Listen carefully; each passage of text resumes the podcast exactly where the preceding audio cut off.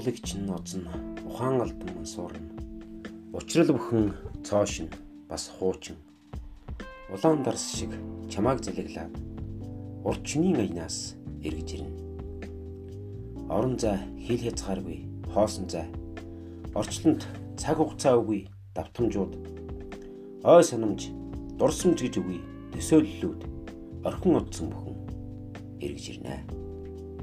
Чиглэг бүлээхэн эмзэгхэн дэлбэг нээж чиний дотор шургаж өөрийгөө хань чив чимээгүй орших цаг хугацааны дотор чи бит хоёр нэг л хүн нэг л амьсгал. За сайн байцгаана уу. Та бүхэндээ энэ өдрийн мэндийг хүргэе. Хөх толготын подкаст энэ удаагийнхаа дугаарт зохиолч Франц Капкагийн шүүх ажиллагаа зохиолын тухай танилцуулах гэж байна. Бурхан намайг зохиолжуулахыг хүсээгүй. Гэхдээ надад өөр сонголт байгаагүй гэж Франц Капка бичсэн байдаг. Энэ бол түүний хувийн амьдрал эдрэтэ бөгөөд тэр өөрийнхөө хүссэн зүйлийг хийхин төлөө ямар их шаналж ямар их эрсдэл туулж байсныг гэрчсэн үг юм аа. Ингээд шүүх ажиллагаа зохиолоос төрсөн сэтгэл эргцүүллээ та бүхэндээ хуваалцъя. Капкагийн шүүх ажиллагаа ормоны талаарх судалгаа гэтэл арга нэг номын сангийн дайтай байдаг. Тухай яриа бий. Тэгэхээр энэ зохиол хичнээн их сүр дүүлэнтэй зохиол бай гэдэг нь ойлгомжтой байх судлаачдын хувьд шүүхийг шүүх нь амтад бислэг хатуу орцог аль аль нь мөн баг. Уран зохиолын онлоор улс төрийн үүднээс философи гаргалгааг нь хайж шашны үзлээсгээд байж болох бүхэл хөвлөрийг шавхан судалж үтсэн байх. Гэвч энэ нэг мөр шийдэгдээгүй маргаантай хэвээрээ байгаа бөгөөд уншигчдад бас өөрийн гэсэн тайлбар таамгийг төвшүүлэх орон зай үлдсээр байгаа нь Капкагийн гайхамшиг гэж болно. Зохиолчийн Эдрит зөрчилтэй амьдрал намайг Капкад дурлуулсан юм. Шүүх ажиллагаа зохиолын жигд нягт хүүрнэл философи санаа намайг бишрүүлсэн гэж болно. Банкны бүрийн их төлөөлөгч Йосеф Кабл оршихуун нүцгэн үнний өмнө ганцаардаж буй абсурд дүр. Тэгэхээр энэ зохиолын тухай өөрийн таамгийг дэвшилж үзье. Учир утахгүй оршихуугаас учир утга хажуугаараа тэр хүчрхэг хувийн дөрвөөс золгүй нэгэн болон хувирч байна. Гэхдээ эцсийн мөчөд учир утгагүйгаас учир утга хайх нь өөрөө учир утгагүй болохыг ухаарч оршихуйтай эвлэрч байгаа нь Камиугийн хөндлөнгийн хүний Мерсог санагдуулна. Цаазын ял сонсоод Мерсогийн амсаж буй тэр эрх чөлөөний мэдрэмж Кат бас адилхан төрж байгаа юм. Уг нь тэр ямарч гимбурууг батлаа баримтлагдсан. Шүүгдэхэр болсон. Гэтэл зөнд нь хайж болох атал хаа сайгүй орших шүүхийн сүүдэр түүнийг хүрээлж тэр үнэн мөнийг олохын төлөө өөрийнхөө буруугүй гэдгийг батлахын төлөө хамаг байдгаан дайчилсан боловч хэрэг явдал улам бүр ээдрээтэй болж хаашаач гарах газаргүй босноо мэдээд зүгээр л эвлэрдэг. Түүнийг шүүгдэх гэж буйг ойр дотны хүмүүс нь тэр байтугай огт танихгүй хөндлөнгийн хүмүүс хүртэл мэдэж байдаг нь тэр өөрийгөө гимбуруутай гэсэн дал төгшөлт автуулдаг. Зохиол дотор Капкагийн өөрийнх нь Капкагийн өөрийнх нь бичсэн одоо Кагийн эргцүүлэл байна л да. Шүүхийн өдөөс хинч сүрж чадахгүй шүү дээ. Хэрэгэ үлээхээс өөр арга байхгүй. Боломж олдонгууд л хэрэгэ үлээч. Тэгсний дараа сая нэг мултрах боломж нээгдэн хэрэгэ үлээсний дараа шүү дээ гэж ноён каг урд өмнө таньж мэдэхгүй ч тохиоллоор танилцж одоо юм дотн харьцаатай болсон одоо К-гийн аврал тайтгарл нь усан асрагч Лени бүсгүй Лени бүсгүй хэлдэг. Энэ юу гэсэн үг вэ? Хэрэгээ хүлээгээд хэрэгээс үлтрэх гэж зочирдмаар хачих үг шүү. Шүүхийн үйл хэрэг нүдний өмнө өрнөд байдаг ч хаанаас гэдг нь мэдэхгүй. Хаашаа явж байгааг нь мэддэхгүй төгснө гэж түүний өмгөөлөгч хэлдэг. Ийм тодорхойгүй нөхцөл байдал мухар эргүүлэгт орсон ер нь яах ёстой юм? Их хэцүү. За ер нь яах чаргагүй гэж бид нар ярьдаг шүү дээ. Яг тийм байдал бол ийм мухардвал байдал үнэхээр хэцүү. Ямар нэгэн гац гаргалгаа байдгүй. Яг ингээд нэг мухар нүхэнд ороод төгжигдэж байгаа юм шиг ийм байдал бол одоо сэтгэл зүйн хөвдөж ер нь маш их хэцүү хүнд хэцүү байдал л та. К өөрөө эргэцүүлж байдаг. Хэрвээ хорвоо дээр ганцаарх на байсан бол шүүх ажиллагааг зөнд нь хайж орхих амархан байхсан. Хэрвээ тиймсэн бол шүүх ажиллагаач эхлэхгүй байсан лавтай гэж зөвхөр шаналд автсан. К эргэцүүлж байна. Энэ үг хэрвээ би хорвоод төрөөгүй байсан бол гэдэгтэй адилхан сонсогдож байгаа биз? Шүүх түүнийг аалзны тор шиг хэлсэн. Банкны зарлага, бизнесийн харилцагч, за тэр нэг үл таних зураач, за тэр өвчтөн асрагч, бүсгүй, тэр нэг ядуусын хорооллын байрны сахилга буюу охтууд а тэр үйл сүмийн номлогч хүртэл шүүхтэй холбоотой. Тэгээ бүр хамгийн хачирхалтай одоо байж боломгүй гэмээр үзэгдэл нь явж явж одоо Кагийн өөрийнх нь банкныхын захирал шүүхтэй холбоотой байсан. Хэрвээ тийм биш байсан бол яах гэж Каг хууч сүм рүү явуулах вүлээ? Энэ бүх зүйлийн далд холбоо хамаарал утар учир шалтгааныг логикоор хөөж олох гэж үзсэн. Ямар ч боломжгүй юм дээ. Хичнээн оюун ухаананд ажиллаж баримтууд дээр дүн шинжилгээ анализ хийж лог гаргалгаа хийлээч ямар нэгэн тодорхой үр дүнд хүрэхгүй. Энэ бол анханасаа бараг тийм ямар нэгэн үр дүн учир шалтгааныг олох гэсэн олох гэсэн ил хайгуул нь боломжгүй гэдэг нь ер нь анханаас харагдчихдаг.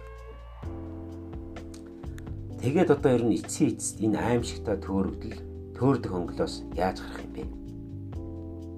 Энэ ч хамгийн хүнд хэцүү асуудал нь энэ дээр гарч ирдэг.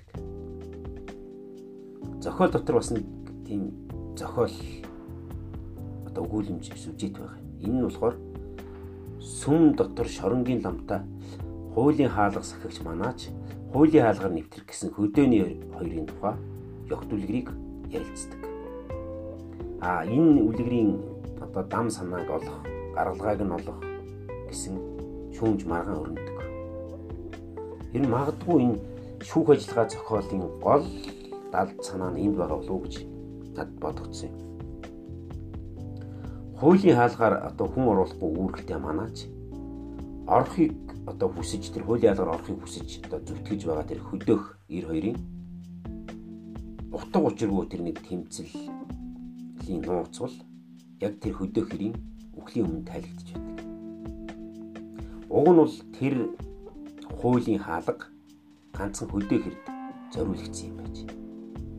Гэтэл хуулийн хаалганыг одоо одоо манаач бол өөрийнхөө хүн оруулахгүй гэсэн үгэн гүйцэтгэж байна А уг нь бол хаалга онгорхой байсан учраас манер хинээс юу ч асуухгүй шууд орох ёстой байсан.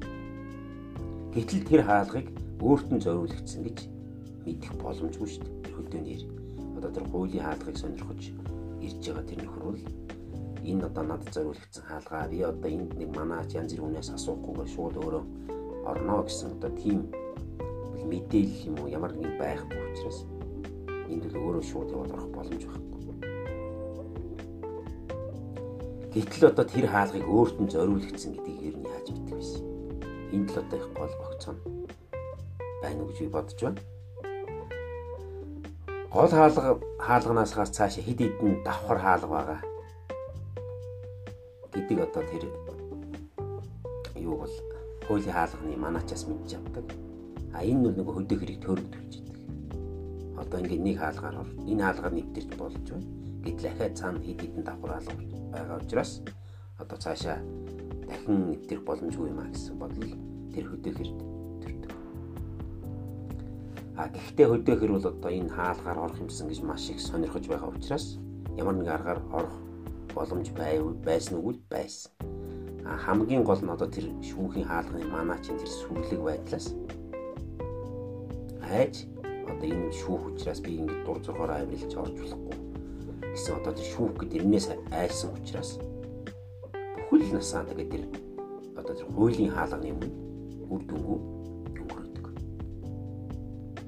Энд энэ бол одоо их маш олон зөрчлийг өөрөөр дагуулж байгаа. Оршихуд шидэгдсэн хүн учир шалтгааныг олох гэж зүдэрснээс өөрт оногдсон хаалгаар орж өөрийн хувь зэйгаан шийдэх учиртайж байсан юм. Хүн хувь зэйгаа өөрөө шийдэх хэрэгтэй гэсэн юм одоо философи санааг бол 20 дугаар зууны одоо дуйлаатай философи зохиолч Сартер хэлсэн байдаг. Тэгэхээр одоо энд одоо хүний хувь зэйгаа бусдаар шийдвэрлэх юм уу өөрөө биедээ шийдэх юм уу гэсэн юм хоёр заагийн өмнө авчирч байгаа юм л да. Учир шалтгаан хэдийн няцаагдшгүй ч гэлээ амьдрахыг буй нь хүний өөдөөс сөрж чадахгүй. Царай зүсээ харуулахгүй тэр шүүгч хаана байна вэ? Хүч нэвтэрч оруулаагүй тэр дээд шүүгч хаана байна вэ гэж одоо зөвхөр чаналсан К гараа тэнгэр өөд өргөн асууж байдаг. Яг цаалтуулахын өмнө одоо К энэ бүхэн одоо үнэн юм уу худлаа юм уу тэр одоо шүүх гэдэг чинь хаана байна гэж гэж сэтгэл дотроо хашгирч асууж байгаа. Тэгэхээр энэ ч одоо хинээс асууж байгаа юм. Бурханаас юм уу, Тэнгэрээс юм. Явж явж одоо энэ шүүлт чинь Бурхны шүүлт юм гэсэн асуудал гарч ирж байна. Капка өөр хуульч юм учраас одоо тэр хууль шүүхийн процессыг маш нарийн зурглан гаргаж ирж байна. Шүүхийн ялзрал завхрал хуулийн халах хүчинд орох тэр аимшиг дарангуул гэх бол одоо маш их тодорхой дэлгэн харуулсан байдаг. Үүгээр нь үзэх юм бол одоо энэ бол гашуун реализм одоо байгальтай уран бүтээлээ гэж хэлж болох юм.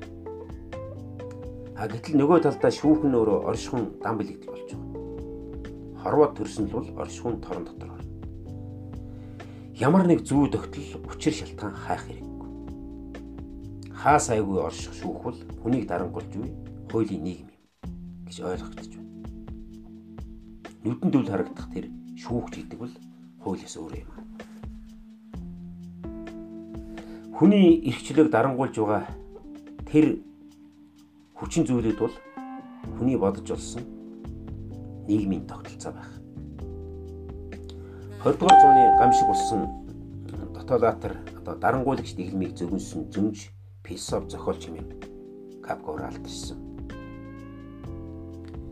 Хүний нийгэм одоо хууль дүрмэн боловсронгуй болгож нарийн дэг журамтай болохын хэрээр хүний эрх чөлөө алдагдж байдаг. Энэ бол одоо яг амьдралаас урган гарч байгаа. Тийм тодорхой зүйл. Тэгэхээр одоо тгээ яах юм? Эсвэл одоо энд ингээ боомлуулаад байх уу? Зугтах уу? Тэмцэх үү? Эсвэл зөнд нь аях уу? гэсэн асуудал руу гарч байгаа. Нэрд одоо 20 дугаар зууны нэр зохиолч, философч, Нобелийн шагналт Камио итгэлээр тижээгдэж явсан найдвар тасарсан газраас абсурд хэлтгээ гэж бичсэн байдаг. Тимээс одоо энэ банкны бүрэн эрх төлөөлөгч одоо зохиолын гол баатар Йосеф Каман абсурд дүрийн бэлэгдэл болж явж явж одоо тэмцэж тэмцэж өөрийнхөө төлөө явж явж энэ үнэн үнийг хайж явсны эцсийн эцэст юу болцсон бэ гэхээр юу ч болдоогүй харин бүх юмны найдвар тасарсан. Яг энэ одоо ингэ найдвар тасарж байгаа энэ үеэс бүх юм амар ялвар болж байна. Гүм сонин сэтгэлгээ шүү өөрийгөө дэмий зовоосон утга учиргүй тэмцснэ. КЦЦ ойлгодог. Тэр 31 нас арай хүрээгүй. Яг нэг хоногийн өмнө цаацлуулдаг. Гэтэл магадгүй нэг бүтэн жил үргэлжилж байгаа. Энэ одоо имгнэлт таргэдий банкны бүрэн эрх төлөөлөгч Кагийн нэгэн шинийн зүүд байсан ч болов. Нэг үл таахаа. Таагдшгүй, тайлагдшгүй учрагдвал байх нь Капкагийн уран бүтээлийн хамис байсан. За Монголын уншигчд бол Капкагийн хувирал шүүх ажиллагаа гэсэн энэ одоо гол хоёр зохиолын одоо их хэлээрээ хэд хэдэн орчуулгаар уншиж байгаа надад аз завшаантай хэрэг юм. Ер нь энэ хувирал зохиолч гэсэн бас нэг юм тодорхойгүй байдал гарч ирдэг. Одоо нэг өрөө нэг өглөө босоод ингээд орондоо ямар нэгэн энэ шавжуулаар хувирчихсан. Тэр Григор Замза гэж нөхрийн тухай гэж эхэлдэг. Ер нь одоо шүүх ажиллагаа ч гэсэн одоо ингээд нэг өглөө босоход Баянка баримтлагдсанаа мэддэг. А энэ бол одоо магадгүй утга зохиолдууд өмнө гарч байгаагүй юм сонин эхлэл сүжит өгөх гэж боддог. Зохиолын гол үйл явдал нь яг эхнийдээ эхнийхээ үйлбэрт зохиол эхлэхдээ одоо энэ гол үйл явдал нь багтдаг. А энээс хойшоо тэр одоо тэр яагаад юм болсон гэсэн учир шалтгаан юм уу энэ бусад зүйлүүд нь одоо энэ ингээд энэ бол одоо бас хүний сонирхлыг татж байгаа маш их сонир арга л да. Жишээ нь одоо тэр нөхрийг одоо зам заг ингээд өглөө босгохтаа ямар нэгэн шавжуулаа хувирчихсан тухай уншсан уншигч яагаад шавж болов юуны учир гэсэн одоо тийм сониуч бодлоор ингээд цааш нь хөөж явдаг. Гэтэл яг эндэ ийцэн юм чи яагаад гэсэн тэр асуултын хариулт өөрөө олддог. Одоо энэ шүүгэж байгаа зохиолын ноён К-г хөвдөж гисэн хийж. Одоо энэ зохиолыг хэлж байгаа уншиж байгаа уншигч ноён К одоо ингээд төрсөн өдрөөр баримтлахаар болсон байна. Гэтэл одоо ямар гин буруугүй гэсэн юм өгүүлбэрийг уншаад энэ хүн яагаад баримтлах гэж байгаа юуны учир энэ ямар нэгэн гэмт хэрэг хийсэн үү ямар учир шалтгаан байна гэж өөр ирэхгүй гэж бодож эрэл хайгуул хийж уншиж эхэлдэг. Гэтэл зохиолыг уншаад дуусахад тэр яагаад гэсэн асуултын хариулт зохиол байдгүй. А тийм учраас энийг үл уншиж өөр өөрийнхөө одоо бодож сэтгэж гаргалгаа хийх одоо энэ зохиолыг ингэж задлж ойлгох юм уу? Өөрийнхөө зүгнээс дүгнэлт хийх одоо ийм боломж нээлттэй. Энэ л одоо магадгүй уншигчдод уран зохиолын одоо гол утга учир үндл орших гэж боддог. Тэ? Зохиолд одоо бүх юм ингээд зарим зохиолууд ингээд уншихад бүх хариулт эцэстээ ингээд бүгд гарч ирдэг. Тэр учир шалтгаанууд бүгд тайлагдаж ингээд зохиол одоо сайн ч юм уу ч ингээд төгсөж идэг. Энэ ийм энэ бол одоо утга зохиол уламжлалт баг тийм дэлбэр шүү дээ. Гэтэл одоо Капка маань энэс дэс өөрөөр одоо энэ зохиолуудаа бичсэн маш их сонирхолтой яагаад хүн чинь одоо яагаад гэсэн асуултыг их тавьдаг яагаад гэдэг асуулт чи өөрөө одоо маш их олон хариулттай байж болох учраас одоо энэ Капкагийн зохиол бүтээлийн одоо онц сонирхолтой тал нь энэ яагаад гэсэн асуултыг гаргаж ирээд энд ямар нэгэн хариулт байхгүй явдаг. Өөрөө бас уншигчийг татах сонирхлыг өдөөх нэг юм сонин зүйл юм а гэж би боддог юм да. За Франц Капка бол одоо шүүх ажиллагаа орманаараа хүн төрлөختний өмнө нэгэн том онцхыг таалгаж байгаа.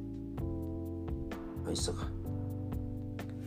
Хариулт нэг мөртөө хариулт нь олдохгүй зовоно гэдэг чинь хамгийн хэцүү асуудал. Хариулт нэгч байна. Гэтэл хариулт нь одоо яг тов тодорхой одоо 2 2-ийн 4 гэдэг шиг юм хариулах боломжгүй юм асуулт тавина гэдэг маш хэцүү л дээ. За энэ дэлхийн сонгодог зохиолын оргил бүтээлүүд тооцогдож байгаа. Капкагийн шүүх ажиллагаа арман бол өмнө манад хоёр удаа орчуулагч байсан. За эхний удаад нэрт орчуулагч Сэсхбат руугаа шүүх ажиллагаа арманыг за мөн хуврал туужийн хамт орчуулж одоо энэ нь дэлхийн утга зохиолын 50 бот цувралд хоёулаа ингээд нэг ном болж багтсан байдаг. За мөн шүүх ажиллагаа ажиллагаар маныг дараа нь манай нэрт орчуулагч одоо Уилсийг орчуулсан манай нэрт алдартай орчуулагч Ононгийн чин баяр орчуулсан байдаг. За би тэр орчуулгатаа бол хараахан танилцж амжаагүй. За ингээд энэ зохиолын 3 дахь орчуулга нь энэ удаадаа Мос өдөр хэвлэлийн газраас ундрах гэж орчуулагч орчуулсан байна. За энэ орчуулгын онцлог нь бол герман хэлнээс уг зохиолын их гар бичмлийг баримтлан гаргасан хувилбараар анх удаа монгол уншигчдад хүрч байгаа юм аа. Ийм учраас энэ бол одоо нэлээ нэлээд үнцэнтэй орчуулга юм аа гэж миний бодож байна. За орчуулгын хувьд үнэхээр их сайхан урамтай уншихад их сайхан урамтай яг тийм уран зохиолын орчуулгаар орчуулсан байна гэж би бодож байна. Тэгээд одоо энэ гайхамшигтай зохиолыг бичсэн Капка. За энэ дотн найзынхаа гэрээсийг зөрчиж одоо ном болгоно хэвлүүлсэн Макс Бродод талархах зүйтэй байх гэж бодож байна. Зохиолынх нь хувь заяа хүртэл эдрэтэй шүү дээ. Капка бол өөрөө одоо богино өгүүлэлэг янз бүрийн жижиг зохиолууд бичиж хэвлүүлж байсан. А одоо энэ магадгүй өөрийнхөө хамгийн гол бүтээл болох шүүх ажиллагаа хувирал за одоо шилтгэн цайз одоо тийм нэртэй гурван зохиолоо бичиж бичээд одоо нас урахынхаа өмнө одоо дотн найз Макс Бород одоо за миний энэ зохиолуудыг одоо бол хэвлүүлэх хэрэггүй. Миний энэ гар бичим, миний үлдээсэн бүх юмыг одоо намайг нас урсны дараа шатааж устгаарай гэсэн. Тэг гэрээс үлдээсэн байдаг. Харин дотн найз одоо Макс Бород нь Капкагийн тэр зохиолуудыг уншиж үзээд энэ бол одоо үнэхээр гоц бүтээл юм аа гэж дотроо бодсон. За энэ найзынхан одоо уран зохиолын онцгой авьяасыг үнэлдэг учраас энэ бүхнийг одоо хэвлүүлж олон түмний хүртэл болох хэрэгтэй гэсэн бодлого үүднээс ингээд энэ шүүг ажиллагаа хувирал одоо шилтгэн гэсэн зохиолуудыг хэвлүүлсэн байдаг. За судлаачийн үзэж байгаагаар бол энэ шүүг ажиллагааг бол одоо энэ дуусаагүй төгсөөгүй зохиолч гэж үздэг. Ер нь одоо шүүг ажиллагаа зохиолын ноор бол одоо өөрөө нэлийн асуудалтай энэ энд энэ хүү битсэн одоо энэ дистрагийн замбрааг болгосон ийм асуудал байсан байгаа. За энэ бол Макс гэдэг энэ дотн найзмгийн зохиолыг одоо яг эмх зэгцэнд нь оруулж одоо зарим бүлэгмэлгийн нэмсэнч байж магадгүй. Ер нь энэ зохиолд нэлийн ажиллаж яаж энийг хэвлүүлсэн гэсэн ийм судлаачдын дүгнэлт байгаа юм. Тэгэхээр одоо зохиолынх нь хувь заяа хүртэл эдрээтэй. Одоо энэ зохиолчийн хувь заяа ч хүртэл эдрээтэй. Одоо ийм байна гэдэг гайхамшиг гэхээс өөр юу хөө. За тэгээд Капкаг бол одоо 20 дугаар зууны гол уран зохиолын 20 дугаар зууны гол төлөөлөгч гэж үздэг. Одоо бас өөрийнхөө зохиол бүтээлээр дэвшүүлж байгаа санаа нь бол одоо маш их олон зохиолч, олон уран бүтээлчдийг одоо араасан дагуулсан одоо ийм одоо сэтгэхүйн төрлийн ийм зохиол бичих ийм зам мөрийг гаргасан үздэг. Ямар ч байсан тэгээд дэлхийн сонгодог сургалтуудтай их хэлээрээ танилцж ингэж одоо оюуны сайхан таашаал авна гэдэг бол хамгийн сайхан зүйл. Тэгээ манад бол энэ орчуулгын чанар одоо сүүлийн нэлээд муу байгаа талаар уншигчд янз бүрийн санал гомдол гаргадаг. За энэ бол маш одоо зөв зөвтэй энийг бол одоо ярихаас өөр аргагүй асуудал.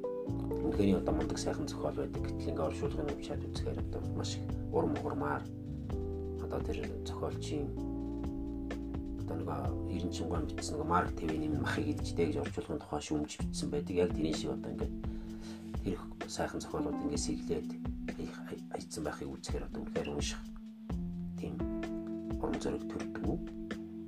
Одоо яг ингээд бид нэгэнт одоо гадаад хэлтэй хүмүүсүүд тухайн хэл дээр нь болоод уншиж боломжтой. За гадаад хэл мэдхгүй одоо маш хүмүүс бол одоо энэ орчуулагчийг орчуулгыг хүлээхээс аргагүй. Гэхдээ орчуулах энэ зохиолд бол тухайн зохиолоос илүү орчуулагч чухал байдаг.